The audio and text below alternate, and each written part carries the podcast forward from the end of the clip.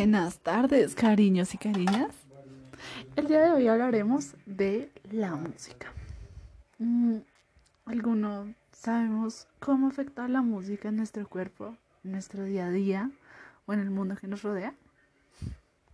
Generalmente ponemos música para tranquilizarnos, concentrarnos, distraernos. Realmente la música está a nuestro alrededor.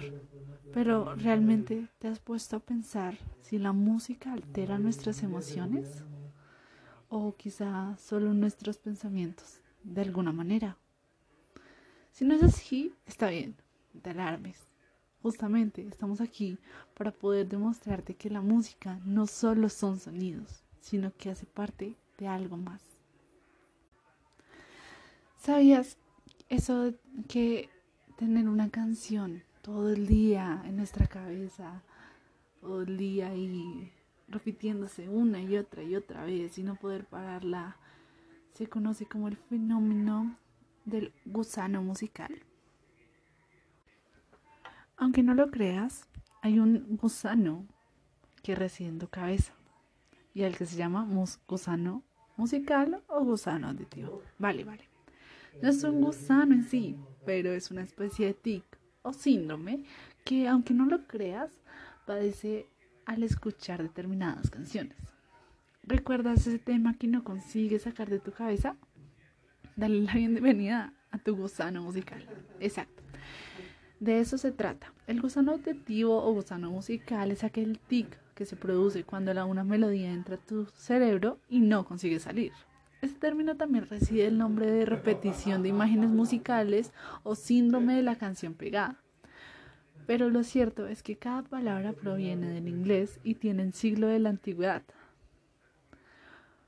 Primero fue asociado a las tijeras, un insecto también conocido como cortapicos, que se creía que penetraba en los oídos. Posteriormente se vinculó al insecto que infectaba las mozarcas del maíz pero los alemanes decidieron emplearla con otro significado.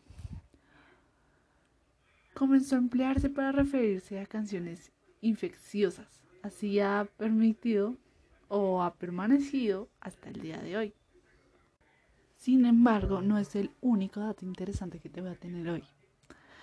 De hecho, ¿sabías que al escuchar rock o pop nuestra resistencia física puede aumentar a un 15%? De acuerdo con los estudios de la Universidad de Brunel, al escuchar cierto tipo de música, fundamentalmente de los géneros rock y pop, podemos aumentar nuestras resistencias físicas durante el ejercicio intenso hasta un 15%. Asimismo, según los investigadores, escuchar este género durante la actividad física tiene un efecto motivacional y ergogénico es decir, que dan una extra en un esfuerzo. Luego de aplicar una prueba de voluntarios encaminadoras, observando que al llegar al 75% de su capacidad cardiovascular, el rock les permite un mayor esfuerzo y una mejor resistencia física. Entonces podremos decir que el rock y el pop nos permite tener un poco más de adrenalina, un poco más de esfuerzo hacia nosotros mismos. Eso me parece un dato tan interesante. ¿Ustedes no? Y sin embargo, podríamos decir que la música altera muchas cosas entre nosotros.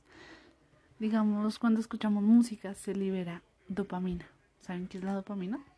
La dopamina es el comportamiento y el placer como recompensa. Es la sustancia química que media el placer en el, en el cerebro. Es fantástico. Digamos, los científicos han encontrado que la experiencia agradable de escuchar música libera dopamina en el cerebro para obtener más placeres tangibles asociados con permisos tales como alimentos, drogas o sexo. Y siento que es interesante cómo la música puede alterar hasta pequeñas cosas de nuestros cerebros, ¿no? Sin embargo, no somos los únicos a los cuales nos afecta este gran sonido de la música. Algunos investigadores han encontrado que la música puede ayudar a las plantas a crecer a un ritmo más rápido, a encontrar evidencias de que las plantas tienen genes que les permiten escuchar e, es fantástico cómo hasta la naturaleza nos lo afecta, cómo hasta puede generar cambios en la misma naturaleza, en los mismos seres humanos. La música, de cierta forma, ha sido una fuente de gran ayuda para nosotros, gran inspiración, gran, grandes momentos, porque podemos ver que la música está en todos nuestros entornos. Además, también podemos decir que la música altera nuestros sentimientos, altera cómo nos sentimos en el momento. Por ejemplo, si yo pongo la siguiente melodía, ¿cómo te hace sentir?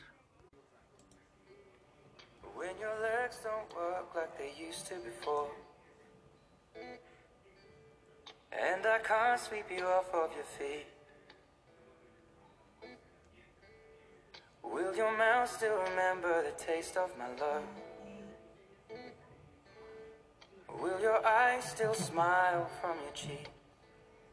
Darling, I will. Siento que es una música que desde el principio puede que te haga sentir más tranquilo, más feliz. Tal vez hayas podido recordar cosas ¿Sabes que al escuchar música tu corazón modifica sus latidos para intentar imitar el ritmo de la música que escuchas? ¿Sabes que nuestro corazón bombea al mismo tiempo que el ritmo de la música? Es por esto que sentimos la música muy adentro, que está en nuestro interior, que está dentro de nosotros. Concretamente desde el corazón, donde todo empieza. Los sonidos más graves y la línea de bajos afecta a la zona de la cadera y la que hace que nuestro cuerpo baile al ritmo de la música es el bombo, que el que marca el ritmo. Y es que si te paras a pensar, el bombo no es más que eso, sino un latido constante. La música es sonido, el sonido es vibración, la vibración es energía que se transmite en forma de ondas que llegan a nuestros oídos. Es impresionante cómo la música abarca muchas cosas a nuestro alrededor, pero sin embargo no nos damos cuenta de eso.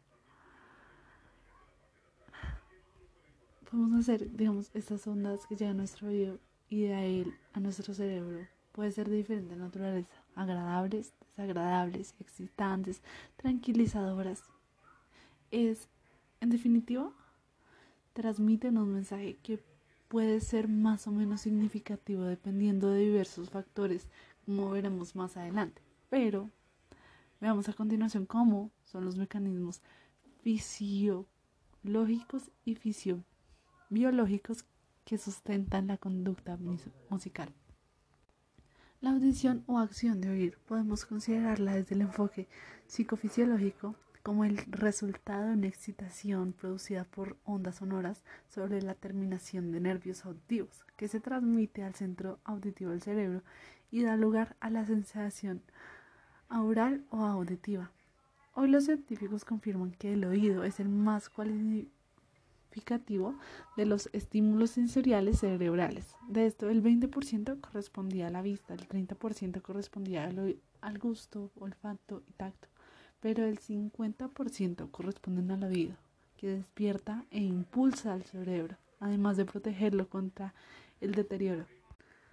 Podemos decir que la, la música abarca muchas cosas, pero a veces es como si el compositor te regalara un pedazo un pedacito de su alma porque te está regalando muchas cosas su letra su, su música se está inspirando en ello y, y al sonar nosotros lo sentimos y eso puede llegar a estar dentro muy dentro de nosotros así como este o cualquier compositor te regala un pedacito de su alma yo te regalé un pedacito de mi tiempo Espero que lo hayas disfrutado porque ya llegamos a nuestro fin de este podcast. Gracias por escucharme y hasta la próxima.